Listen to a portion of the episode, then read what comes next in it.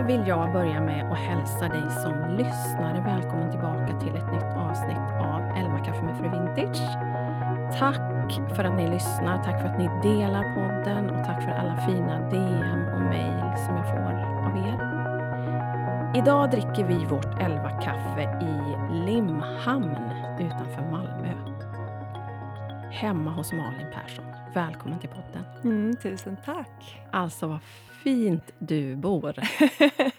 Så, så fint. Trots att vi nu då har gjort om ditt vackra vardagsrum till en studio. Vi har flyttat runt allt som går att flytta runt. Mm. Mm. Men så roligt att vara här. Ja, men det känns jättekul. Du är verkligen. välkommen hit. Du frågade när jag kom, vart, när vi såg senast. Mm. Mm. Och det tänkte jag du skulle få svara på nu. Kommer du ihåg det? Alltså, det känns som det var alldeles för länge sedan. ja, det var det. Men Eller om vi Kan säger så här. Mm. Första gången vi träffades. ja, första gången vi träffades, det var väl i Varberg? Var det inte det? Jo, På någon liten eh, någon träff. Social dinner. Ja. Ja, Hos Kristin och Miranda. och det, ja, precis. Det var väldigt fint. Jag kommer ihåg det var väldigt fint. Det var precis när vi började liksom um, hooka upp med Ja, varandra ja, och, och, och lära känna varandra Ja. real life. Ja. För det tycker jag är så himla härligt. Och tänk vad vi tog för givet då, att vi bara kan Ja, ses. ja, Och trängas runt ett middagsbord. Ja, och det har man ju verkligen nu. Vi efter här lärt oss. Ja, man har lärt oss hur värdefullt det här är, det vi gör nu. Ja, men verkligen. Att få Vi- ses. Vi kunde ju kört det här digitalt, Ja. men det blir Nej, inte det samma sak. vi inte. Nej, men lite grann som jag sa till dig innan, att det är ju... Jag ser det lite som lyxen att få åka lite så här och Mm. göra de här Mm. mötena, för Mm. det ger så mycket mer. Verkligen. Både till samtalet och få ses. Och... Mm. Men vår första, vår första gång vi träffades, det är ju då typ tre och ett halvt år sedan. Jag tror att det var Mm. i januari Mm. 2018. Ja, så pass. Och sen kanske vi har setts på lite olika Ja. event, man stöter på varandra lite. Mm.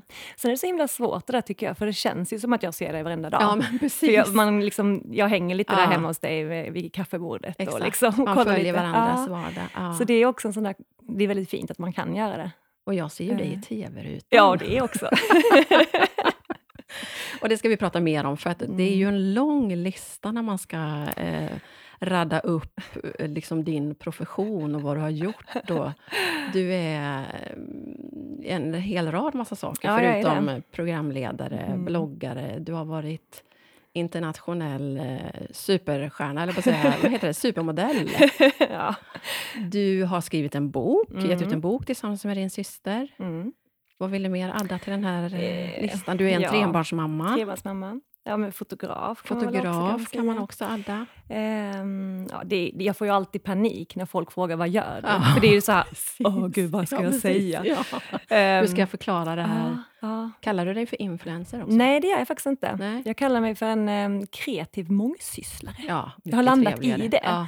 För att jag jag, känner vill inte att heller kalla mig för nej. influencer. Jag- det har fått lite dålig klang. Ja, Och plus jag känner att jag gör så mycket mer ja än men det. precis. Ehm, men någonstans är det liksom hela min, eh, allt det jag gör, det handlar om att jag vill inspirera människor. Ja. Och det är väl någonstans där som min sex knyts ihop liksom, Ja, just det. inom olika Men genrer. vad utav de här sakerna som jag radade upp nu är mest aktuellt just nu? Nej, men att, eh, ja, nu under det här, alltså under halvåret, sommar och höst, så är det ju väldigt mycket tv. Så då blir det väl ganska mycket tv-personlighet. Eller... Du har varit i Norge också, Ja, men precis. Ja, jag gör ju två stycken tv-program i Norge också. Som är dels ett eh, trädgårdsprogram som heter Tid för hage.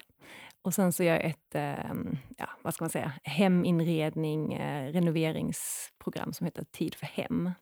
Så, så det blir mycket tv. Och det är ju dels tv, men sen är det också hela konceptet bakom. Liksom min idé och designa om en trädgård och anlägga den. Och så det, det är väldigt komplext jobb. ja, Liksom. ja. Men det är det som är så himla kul. ja.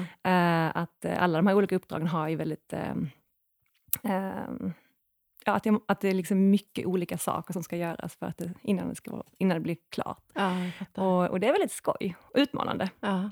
Men hur kom du in på tv överhuvudtaget? Hur kom Alltså, det sig? mm, nej men jag, eh, som du sa så jobbade jag ju som modell en massa år. Eh, och jag bodde utomlands, eh, hade Mm. min bas i Italien. Ehm, och eh, jag hade fått mitt första barn, så det var 2006. Och då hörde, vad var det, svensk, var det kanal 5, tror jag det var, Svenska kanal 5. Då hörde de av sig för de ville ha en ny programledare till eh, Skandinaviens näx, nästa toppmodell. Eh, Ah, så på den vägen, där halkade jag in lite, så jag gjorde en provspelning för det. Så jag gjorde eh, den säsongen när de var i Milano. Och då var det för, för eh, det var svenska tjejer och så var det också danska och norska tjejer. Eh, så det var väl liksom min... min så här, Var det då. Corinne var med som makeupartist? Nej, det kanske var senare. Mm. Nej, det tycker Nej. jag känner inte igen. Nej, Nej, det var nej. det inte. Nej. Men ehm, så där halkade jag in på, på, eh, på programledaryrket liksom, och tyckte det var skoj. Men sen gick det ju några år och sen flyttade jag hem från Italien till Sverige och eh, bloggade mycket. Eh, och då var det faktiskt SVT som hörde av sig, för de sökte någon som kunde liksom, eh, bli den fjärde musketören till Tarek och Pernilla och John som hade lite den här kreativa ådran och som höll på mycket med, med design och inredning och sådär. Ja. Så ehm, jag hade ett liten... Uh, jag provspelade med Tarek och det, det var så himla roligt för att ja, jag, jag, jag in- improviserade att jag skulle bygga ett vinställ med honom av några gamla pinnar och de bara, det här är genialt. Henne tar vi. Henne ska vi ha. Ja.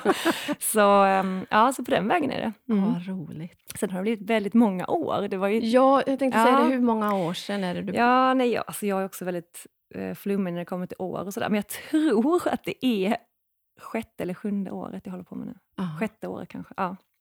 Så det är många, det är många Så år. det tar mycket av din tid? Ja, men just alltså, vår, sommar, höst. Så imorgon faktiskt spelar vi in eh, sista programmet för, Ah. som kommer sändas nästa år. Då. Just det. Mm. Eh, så jag kombinerar ju det då med lite eh, dagar i Norge då. Som jag, när jag åker iväg dit så är det en vecka åt gången när vi spelar in. Ehm, och sen har jag massa andra projekt vid sidan om också. Jag älskar ju Tarek, eller Tarek, hur Ja. man uttalar.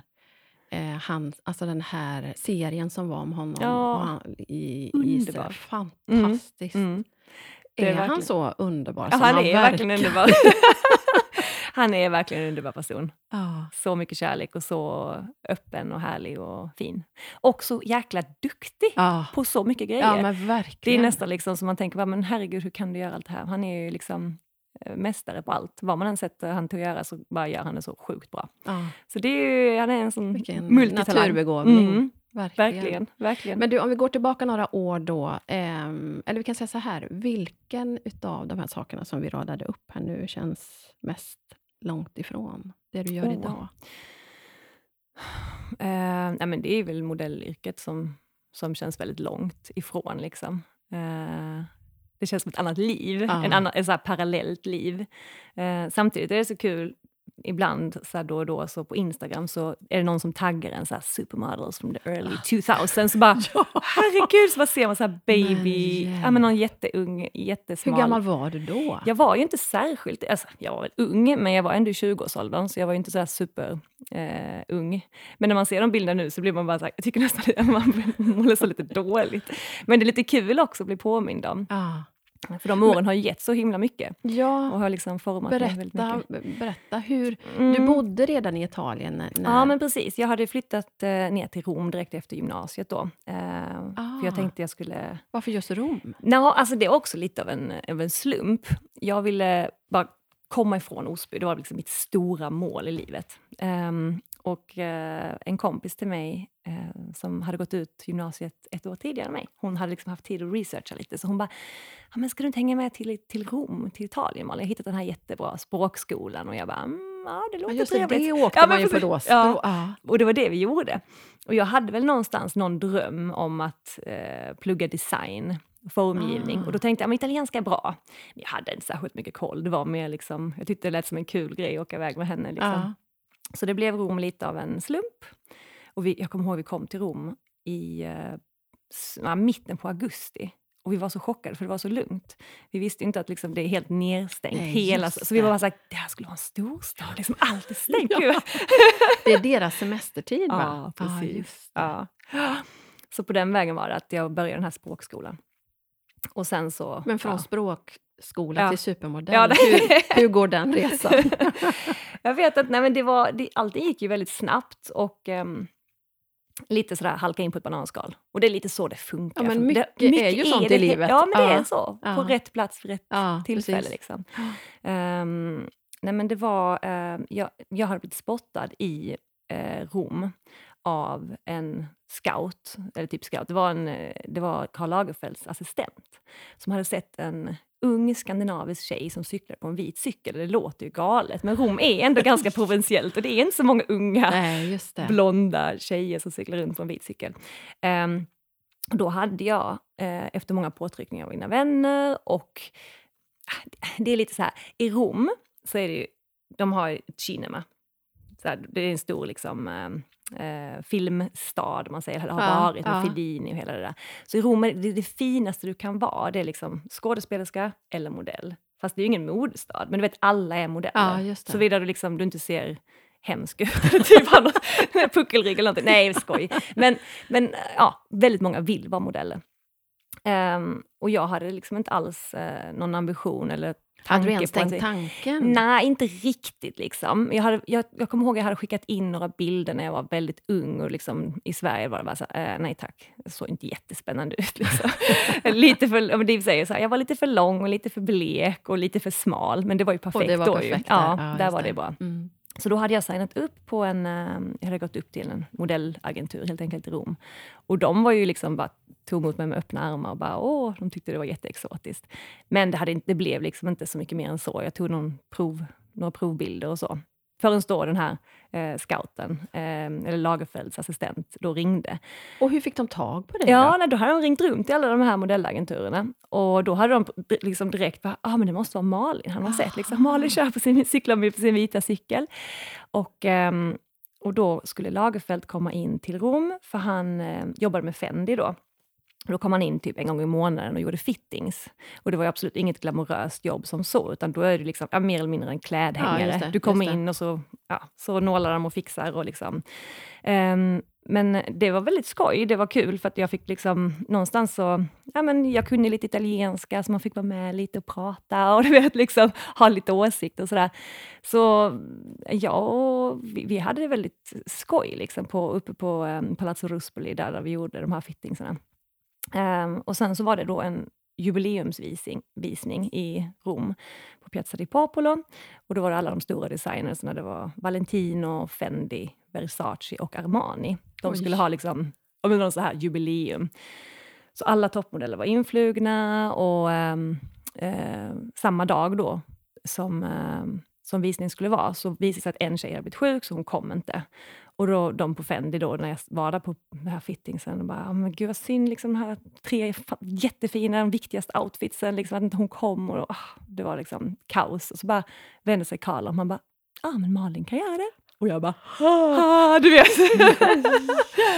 så du vet, första visningen blev en sån rivstart. Ah. Ja. Oj, och du vet, oj. att synas då med alla de här stora namnen, då blir det helt plötsligt väldigt stor uppmärksamhet. Vem var den där nya tjejen? liksom. Så på den vägen var Och vilka var de andra stjärnorna? Då? Ja, men det var, dels var det liksom, men det var många, alltså det var Naomi, det var Herzegovina som ändå, de började bli lite, lite för gamla liksom för att hänga med. med Stella Tennant och Kirsten wow. Owen, alla de stora namnen som jobbade väldigt mycket just då. Um, och uh, jag kommer ihåg Skanka Nancy var där och sjöng. Och hon kom fram så här i eh, backstage. Liksom, så, ah, how you feeling? Och jag bara kommer ihåg liksom, att allting var bara så här overkligt. Liksom. Um, så det blev en så här snöbollseffekt när alla började snacka. Och du vet, då är agenterna på och bara, ah, här har vi det nya, Karl Lagerfelds oh, nya favorit, blev det helt plötsligt. Liksom. så, eh, så efter det så bara drog det iväg. Och, um, så då var det slut på fitting? Ja, då var det slut på fitting. Men uh, vad som var väldigt fint däremot var att Karl verkligen tog mig under sin vinge. Så att, uh, när jag sen kom till Paris så, så gick jag och öppnade hans uh, Lagerfeld Gallery show och så gick jag Fen, Chanel-visningar.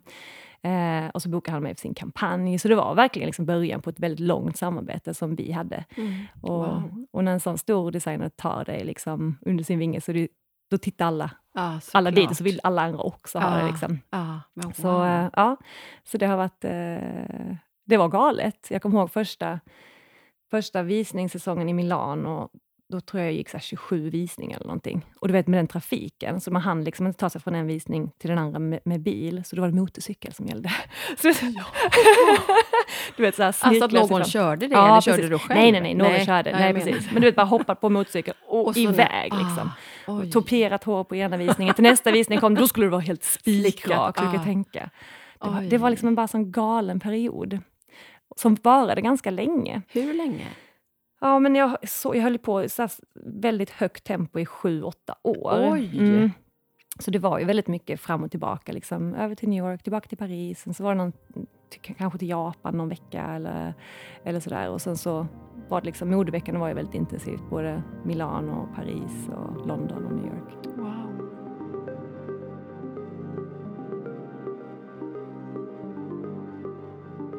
I, Vad tar du med dig från de åren?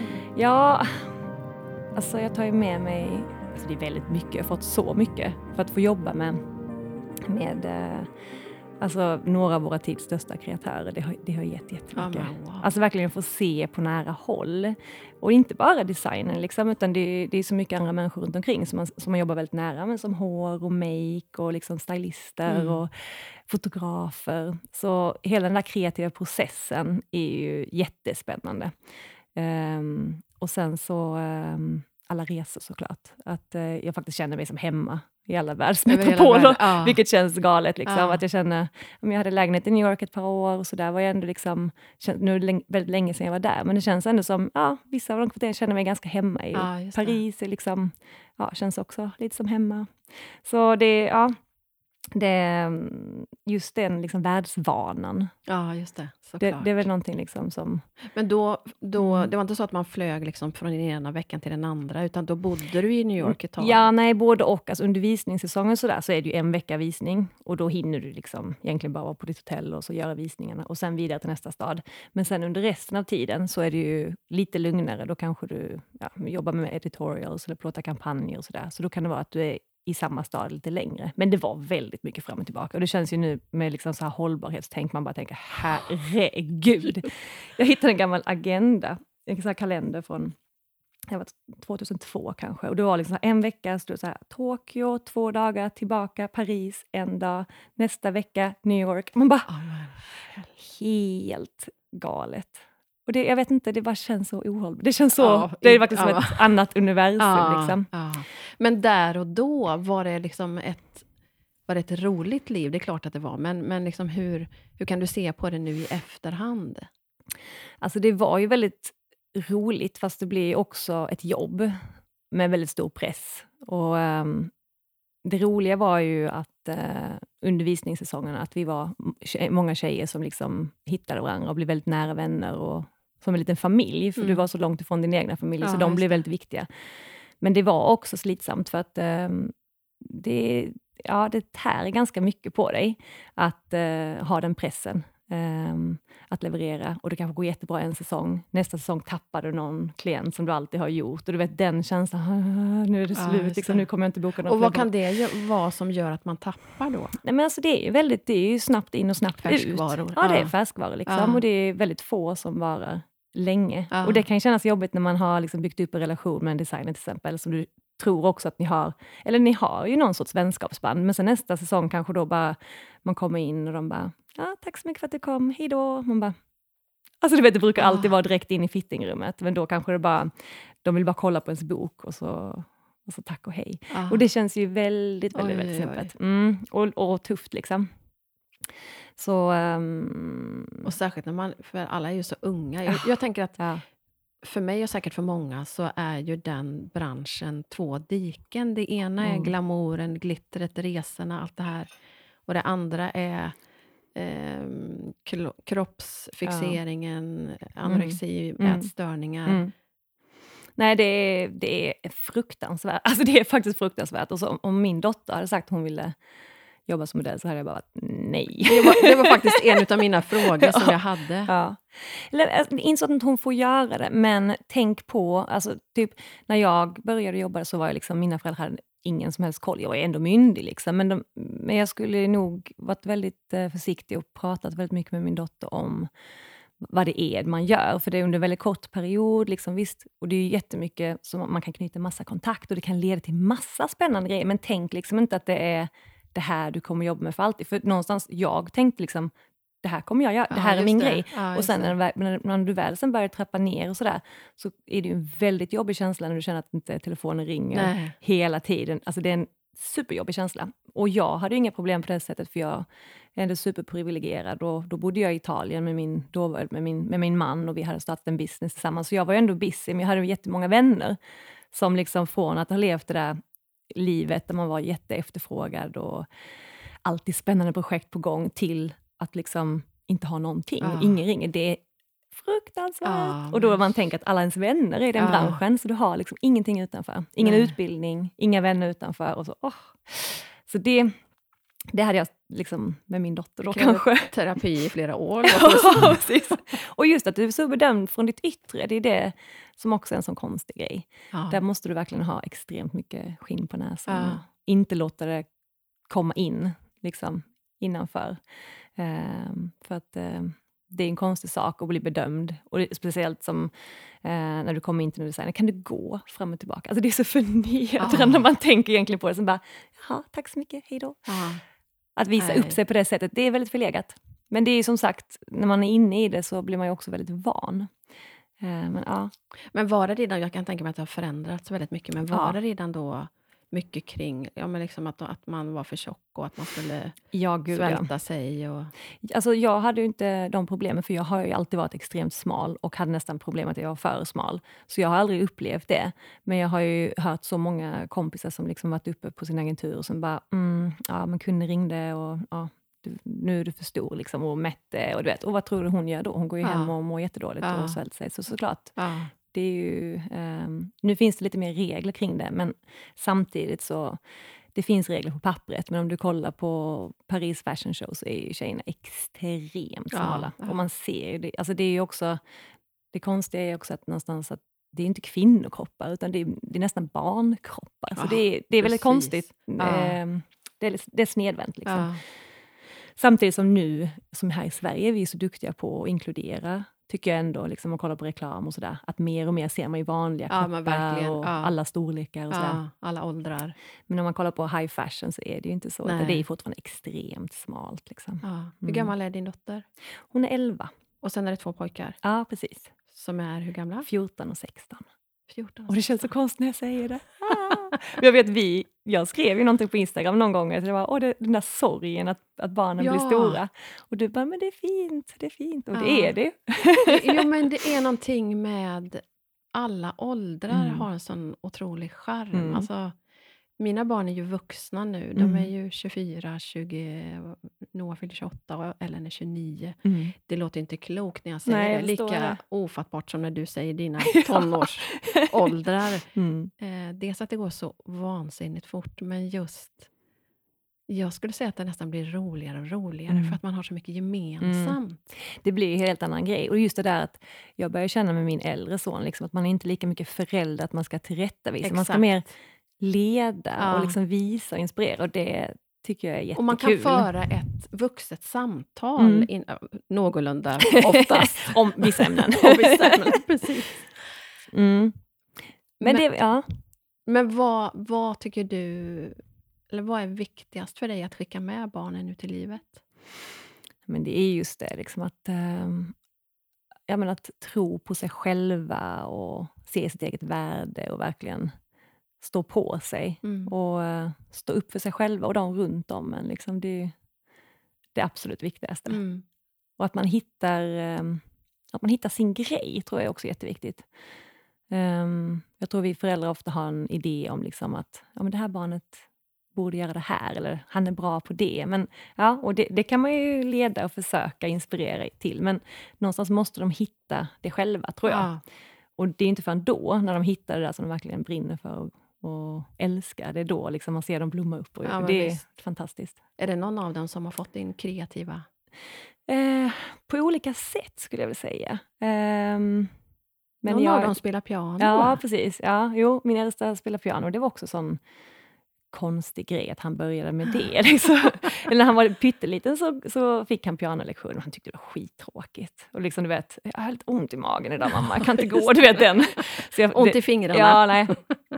Men, eh, men det var faktiskt... Eh, jag tyckte han spelade lite för mycket tv-spel och då satte jag lite så här ett ultimatum att hälften av tiden så gör någonting som du skulle vilja, vilja bli bra på. Bara för bra. att liksom... Ja, mm. och det var ju några år sedan, vad kan det vara, tre år sedan nu. Och då hade vi en gammal synt och då började han spela lite på den här. Liksom. Och sen så började han tycka det var jättekul. Mm. Så, så blev det verkligen att, att, han hittade sin grej. Och nu är det ju nej, det är hans passion, han älskar det. Och, ja, roligt. Ja, håller på både med elektronisk musik men också mycket så klassiskt. Och Sjunger också? Ja, lite. Men uh, ja, får vi se. se vad som kommer. Ja. Men du, hur gamla var de? För de är födda i Italien alla tre, mm, va? Mm. Hur gamla var de när ni flyttade till Sverige? Ja, men då var ju min äldsta var sex och fyra, ett. Just det. Ja, 6, 4, 1. Så de var små pluttar. Och det är så konstigt, för jag någonstans känner jag att det är där jag är kvar. Jättekonstigt, mm. men jag ser mig själv som en småbarnsmamma. Ja. Och jag älskar att vara småbarnsmamma, så det är någonstans... Det är nog inte det där att jag tycker det är jobbigt att barnen blir äldre, det är bara att jag känner, men vem är jag då? Ja, att ja. jag nu är en tonårsmamma till två killar, bara nej! Ja, ja det är utmaningar. Mm. Mm. Men vad skulle du säga, för du har ju levt ganska många år då i Italien. Vad är, mm. Vad är den stora skillnaden mellan att leva med barn mm. i Sverige eller Italien? Ja, alltså det är ju... Ja, det är Kanske ett helt eget avsnitt? Ja, det är ja, precis, helt eget avsnitt. Nej, det är jättestor skillnad. Det är ju... Um, um, ja, men dels var ju barnen mycket mindre, men det var ju mycket, inte så uppstyrt. Liksom. Det kändes som att det var, vi hade mycket mer fritid. Men det är också för att jag levde ett helt annat sorts ja, liv där. Vi drev ju en verksamhet, vi drev en bar, jag och min exman och mina föräldrar. Så vi hade ju liksom vårt lilla familjeföretag, men jag, och jag jobbade en del där, men jag hade ju jättemycket fritid. Så just det liksom att um, ha den där tiden och vara med barnen och liksom organisera playdates och ha fika och mysigt och bara gå till park. Alltså du vet, hela det. Eh, det var en ganska så stressfri vardag, men jag tror inte det liksom är någonting som kanske alla som bor i Italien känner. Nej, det var mer att jag levde ja. ett helt annat sorts liv. Ja, um, så, um, så när jag minns tillbaka på den tiden så bara tänker jag wow, alltså så, att jag är så extremt glad att jag hade möjligheten att liksom ge mina barn den starten. Ja, liksom, att verkligen uh, och utan att känna stressen att jag var tvungen att jobba så mycket, eller för att, att jag ville ens det. För att jag hade jobbat så mycket eh, åren innan som modell, så jag kände liksom det var skönt att ta den där breaken. Ah, fantastiskt. Så det var fint. Mm. Lärde de sig italienska? Mm, ja, det gör de. De är väl, börjar bli lite ringrostiga nu. Ja, men, så blir det ju. Mm, men de förstår väldigt gott och sådär. Så, så det, den sitter där. Och vad var det som gjorde att ni flyttade hem då, till Sverige? Ja, men alltså, det var väl ganska många olika saker också. Uh, vi brukade skoja om det, jag och min exman, att om Berlusconi blir återvald, då flyttar vi härifrån. Och så blev han det. men uh, det var inte riktigt hela sanningen. Nej, men vi, vi var liksom... Uh, vi var på en plats i livet där vi kände att det funkar inte så bra. Vi hade dels inte jättebra tillsammans och det var ganska slitigt, för vi drev den här baren. Mm. Så min exman var väldigt mycket där på kvällarna, mycket alkohol, mycket mm. uteliv. Och ja, jag då med tre barn hemma, så vi liksom höll på att lite så glida ifrån varandra. Um, så det var väl liksom sådär desperat sista försök att liksom försöka rädda det ja, som fanns. Det. Mm. För det fanns liksom ändå en, en kärlek, För han flyttade väl med till Sverige? Ja, precis. Ja. ja. vi flyttade. Det var ett gemensamt beslut. Mm. Och egentligen så var det ju han som ville flytta till Sverige, för han hade någonstans en, eh, ja, men en, en dröm, liksom, en önskan av att eh, prova och, eh, och var väldigt så fascinerad av Sverige och hur vi lever här. Och mm. Just för barnen var det väldigt mycket friheter man kan ge dem. och så. Att, det skulle få, att de skulle kunna få en bättre start här. Mm. Så det var väl lite så att, eh, ja men vi, det var väl så sista liksom, kraft. Um, um, att, uh, att liksom försöka och rädda och kunna leva tillsammans som familj. Men det gick inte riktigt. Så. Men vad, hade ni, alltså vad gjorde ni då när ni kom hem till Sverige? För ni hade haft en, en ja, business i... Ja, precis. Den, den drev vi vidare, fast på distans då, Aha, härifrån. Uh, så uh, vi hade ju ganska mycket tid. Um, för att då renovera det här huset. Vi köpte det här gamla huset som var helt galet, som vi öste in i alla fall i ja, två år med renovering. Det som vi sitter i nu, ja, som är Mm. Helt fantastiskt. ja, men på riktigt, det vackraste hus jag har varit i. Ja, tack Ja, men gullig du är. verkligen fint. När är det byggt? Eh, 1909 är det byggt. Mm. Så det är ett... Eh, Ja, ni har gjort mycket då, förstår jag. jag har gjort mycket. Mm. Och det var också... Jag är den tredje ägaren. Så att, eh, Oj! Ja, så det är ett hus som liksom har haft, dels han som byggde det, Malmös eh, brandchef. Han ville liksom ha lite pampigt hus, så han har byggt lite så här 1600-talsstil, fast vi var på men det är väldigt 1900-talet. speciell Ja. stil. Ja. Ja, med så trappstegsgavel och mycket så här eh, blyinfattade fönster och sådär. Eh, och sen så bodde då en, en familj här i 60-70 år. Och, eh, och hon blev änka när hon var 50-årsåldern. Sen bodde hon här till hon var 104 år gammal. Så, ja. Men så, att, eh, wow. så när vi köpte det så var det ju jätte, jätte, jätte eftersatt. Och vissa hade kollat på det och tänkt liksom, ja, vi vill åt tomten och bara riva det. Så, för det var så mycket jobb. Ja. Ja, men mer än att bygga ett nytt hus nästan, för att du vet. Så det krävdes ju två stycken eldsjälar som var lite, lite knäppa nog att ge sig in. Och som hade gjort det förut Ja, då, precis. Ja, för det var det också. För vi har hållit på väldigt mycket med renovering i Italien. Mm. Eh, som, eh, ja, så, och lyckas man renovera i Italien och det blir bra så är det ingenting i Sverige. mycket enklare. Ja, jag kan tänka mig det. med hantverkare och sådär. Ja. Men du, Mm. som sagt, du har ju gjort väldigt mycket olika saker i livet och bott på olika håll i världen. Vad skulle du säga har format dig mest av alla de här livsresorna, eller vad man nu ska kalla det Ja, så för? himla svårt det där, vad det skulle vara. Ja. Men det har väl, alltså dels min uppväxt, för att, ehm, att bo på landet och, och hästtjej och sådär som jag var, det har ju gett en, mig väldigt eh, en... ehm, jag menar, att man, liksom, man fixar allting själv. det som behövs är det ja, men, bästa, då- brukar jag säga. Ja, men precis. Ja, men på riktigt. Lite så, Ja. Eh, och att eh, liksom jag blev väldigt inspirerad från att jag var liten, att man liksom fick allt man vill ha själv. Det var liksom aldrig någon hantverkare hemma hos oss, utan man fixade det själv. Liksom. Mm. Pappa är så världens mest händiga man, så jag har väl liksom alltid liksom gått bredvid honom. Och, och så, där. så det har ju format mig jättemycket. Men sen då i kombination med att ha bott på väldigt många olika ställen i världen, så har jag ju fått ett eh, helt annat perspektiv liksom, på eh, tillvaron och hur man lever och hur olika det kan vara. Och också att när jag kom tillbaka till Sverige, att jag lyckas, eller lyckas, men att jag känner liksom att väldigt tacksamhet, som vi pratade om innan, att faktiskt få bo här. Ja. För att det är kanske någonting man tar väldigt mycket för givet, om man har bott här i hela sitt liv. Och, och vi är ju som sagt så, så man tänker att Sverige är ett normalt land. Nej, vi är så onormala. Ja, Vi ja. är så, liksom, vi är bara en liten promille av världen. Liksom. Eh, och det ska vi ha med oss. Och vad Ja. tänker du då när du säger så? Nej, men jag tänker att ehm, jag är... Att det, är- det är så få förunnat som kan ha det så bra som oss. Mm. Så att man känner verkligen att man vill vara med och bidra till andra och hjälpa andra och att mina barn ska få med sig det. Liksom, att, ehm, att vi kan, liksom, för vi har det så bra. Ja. Och eh, det får man inte glömma, för det är så himla lätt att man bara tänker men vi ska ha det bättre eller vi, ska ha, vi vill ha mer och vi vill... Du vet, och ja, det...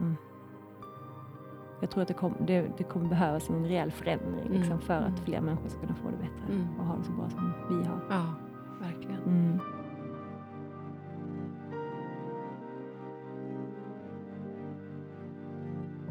Du var inne på det förut, eh, det här med, med slit och släng och flyga över hela Mm. världen och den Mm. livsstilen som du hade då. Mm. Ehm, hur har din syn på konsumtion ändrats genom åren? Du har ju verkligen blivit en, Ja. en, en förebild i, Mm. i, jag tänker på er bok. Och, Mm, mm. Ja, nej, det har ju verkligen varit en... För att hitta en mening i det jag har gjort så har det varit jätteviktigt att det ska vara hållbart. Och då tänker jag liksom både eh, för miljön, men också för dig själv som människa, att du ska Mm. må bra. Och, ehm, och efter man har levt i det där lite av ett överflöd, och som vi snackar om, det där med resor fram och tillbaka, den här konsumtionen, att det ska gå så himla snabbt, att det ska produceras nya kollektioner, det ska bara tryckas ut. Alltså det stod mig lite upp i halsen. Och någonstans där så var jag väl ganska ehm, ganska tidigt kände jag att jag vill göra något annat. Eh, för jag, det är inte det att, jag, jag älskar vackra grejer, jag älskar estetik och jag älskar verkligen att skapa de där miljöerna, men jag vill och försöker verkligen att eh, göra det på ett så hållbart sätt man kan. Och, och i det finner jag liksom en stor eh, eh vad ska man säga, eh, att det är viktigt att... Eh, jag känner att det är meningsfullt att kunna liksom inspirera andra till att kunna göra samma sak. Genom då i tv att man ja, recyclar gamla Mm, grejer, bygger mm. om och, och med vår Minnesyrans bok och sådär. Ehm, att se vad som finns runt om oss och, liksom, och gräva där. Och det är lite det som jag gillar med de flesta projekten jag gör, så är det så. Att, vad finns det här? Vad kan man använda här? Eh, och oftast börjar projekten med någon gammal fin grej som man bygger runt. Ja, liksom. det. Ja. Mm.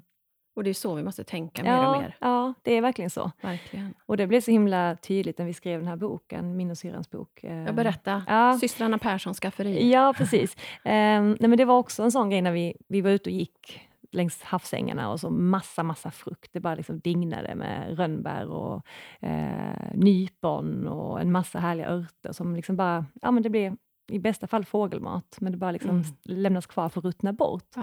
Sen tar man bilen och kör till Ica och, och liksom köper eh, Saker som har flugits ja, in från... Ja. det, det, ja, och där kände vi bara, men vi måste liksom... Eh, ska vi nu skriva en bok så ska det vara någonting som kan inspirera. Liksom. Hade ni redan liksom tanken och drömmen om att skriva en bok? Mm, Mm. den har vi haft länge. Eh, och, eh, men det har väl mer.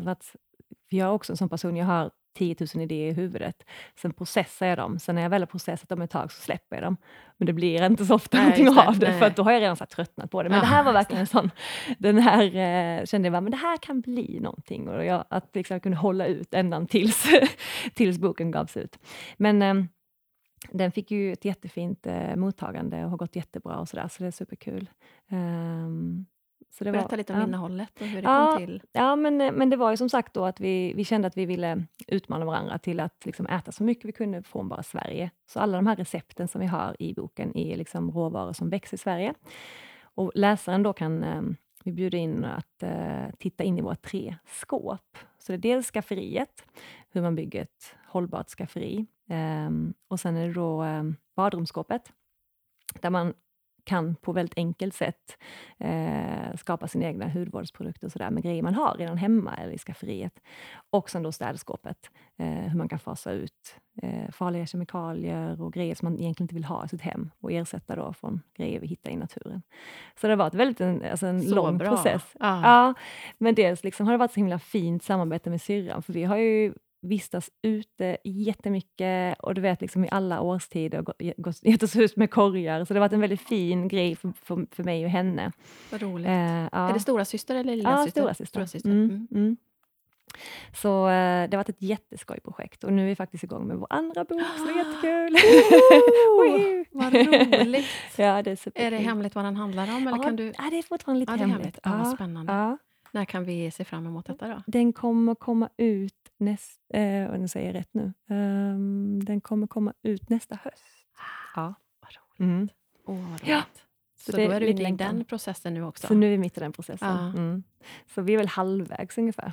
Eh, men det har lite, det, ja, det, grundtankarna är ungefär de samma, så det är väldigt mycket liksom, täcker hela året Mm, och sådär. Så det är en mm. ganska lång process.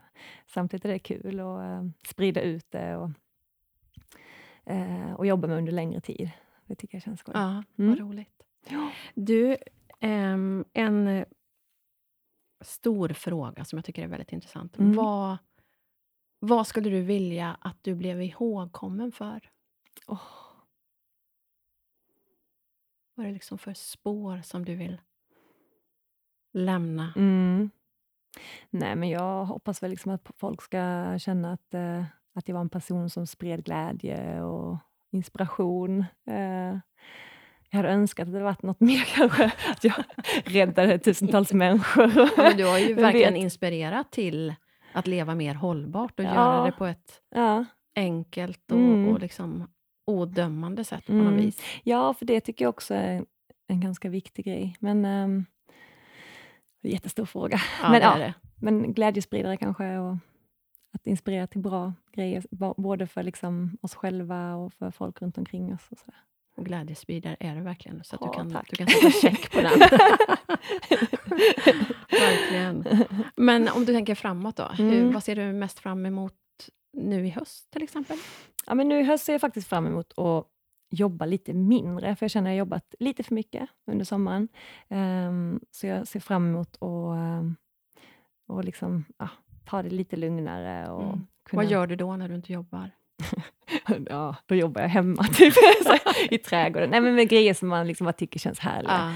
Fixa i trädgården och pyssla hemma, bakar, gå ut och plocka svamp och träffa vänner, Mm. eh, ha stora middagar och bara göra alla de där grejerna som man känner att man liksom är långt ner på prioriteringslistan när man har för mycket jobb. Mm. Så det, det ser jag fram emot, en lite lugnare höst. Och var ser du dig om eh, fem år? Ja, det är också en sån grej som någonstans jag har ehm, funderat ganska mycket över på sistone. För jag hade någon sorts dröm tidigare hur jag ville leva i framtiden, men nu har den helt ändrats. Mhm. Och det är så speciellt det där. Men jag kunde se mig själv, ehm, kanske inte om fem, men om tio år kanske bo i någon lägenhet i Köpenhamn kanske. Ha något litet hus i Italien som man kan vara stora delar av året. Mm. Men sen när pandemin kom och sådär så bara kände jag, jag tror kanske inte ens jag vill bo i en stad. Kommer man kunna resa till Italien? Ja, alltså det, det blir så Ja. mycket, så nu är jag bara, mm, Mycket som ställs på ända. ja väldigt mycket. Och, ehm, så nu är jag, jag tänker faktiskt inte jättemycket på framtiden. Jag försöker att ehm, vara här och nu för att och liksom trivas med det och, och finna ro i det. Mm. För jag känner att jag blir lite stressad också när jag märker att jag inte har någon framtids... När du säger fe- femårsplanen. Jag är inte en sån person som gör upp femårsplanen. Nej, inte jag heller. Och jag tror inte du att det är en utav de viktiga lärdomarna ändå av pandemin? Mm. Att, ja, Alltså hur mycket vet vi fem år framåt? Hur mycket, Nej. hur mycket kan vi Nej. planera? Hur mycket, klart man alltid kan drömma, men, Mm. men verkligheten har ju verkligen visat sig så Mm. oväntat Ja, men alltså under den här tiden. Mm. Mm. Och just det här också, vi märker ju bland våra vänner fler och fler som, som på grund av pandemin lämnar storstäderna, Mm. lämnar Stockholm, flyttar Mm. hem till Mm. vad det nu är, Karlstad, Mm. Vetlanda, Jönköping, Ja. för att man har insett vad som faktiskt är viktigt i livet. Mm. Närheten Mm. till familj och Mm. närheten till naturen. Ja. Nej, jag, jag tror också att det är någonting som det kommer bara bli mer och mer och accelerera. Städerna, och just nu också när man liksom inser att man kan jobba på distans. Som man kan. Exakt, Så ja. det, det finns ju ingen behöver inte Nej, vara i en storstad. Och, Nej, men verkligen. Ehm, om man inte har ett serviceyrke så kan du nästan jobba varifrån som Ja, helst. ja. Så att, ehm, ja, men jag försöker liksom att ehm, vara lugn och eh, trygg i att det är som det ska vara nu. Och sen får man se om fem, fem år när barnen, beroende också mycket på hur de, vad de Mm. vill och Ja, vad de är i livet och sådär. Ja, spännande Mm. år framåt. Mm, Mycket som kommer att hända. Ja, verkligen. Men jag känner ju också att jag tror, alltså när barnen är redo liksom och klarar sig med själva så tror jag nog att jag kommer göra något helt annat. Det tror jag. Mm. Spännande. Mm.